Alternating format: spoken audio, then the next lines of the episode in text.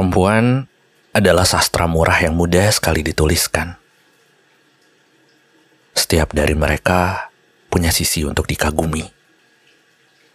Raut yang cantik, bulu mata yang lentik, tubuh semampai, pergerakan yang gemulai, senyum meneduhkan, tawa menggelikan.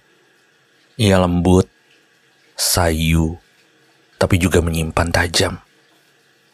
Yang sewaktu-waktu bisa sangat menusuk, menikam.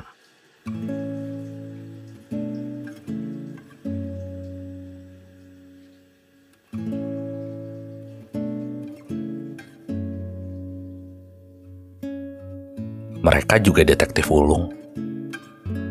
Cerdik mempertanyakan, tapi tak pernah siap menerima jawaban. Tangkas membongkar kenyataan, tapi ceroboh dalam urusan menyembunyikan. Gemar menaruh harapan, tapi mudah dipermainkan.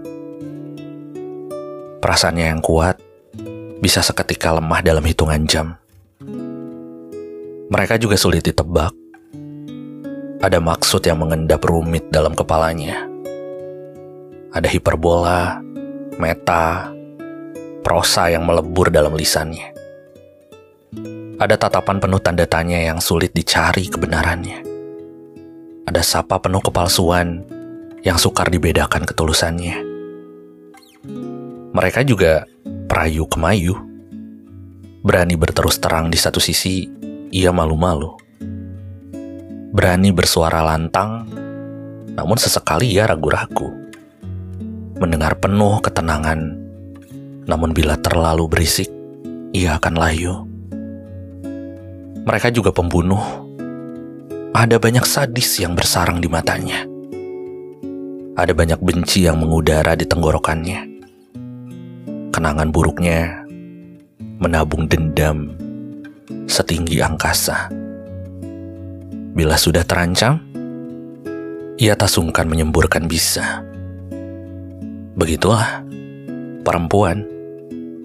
Mudah disenangi tapi juga menakutkan. Ingin dipahami tapi selalu membingungkan. Dan teruntuk puan yang selalu aku tuliskan,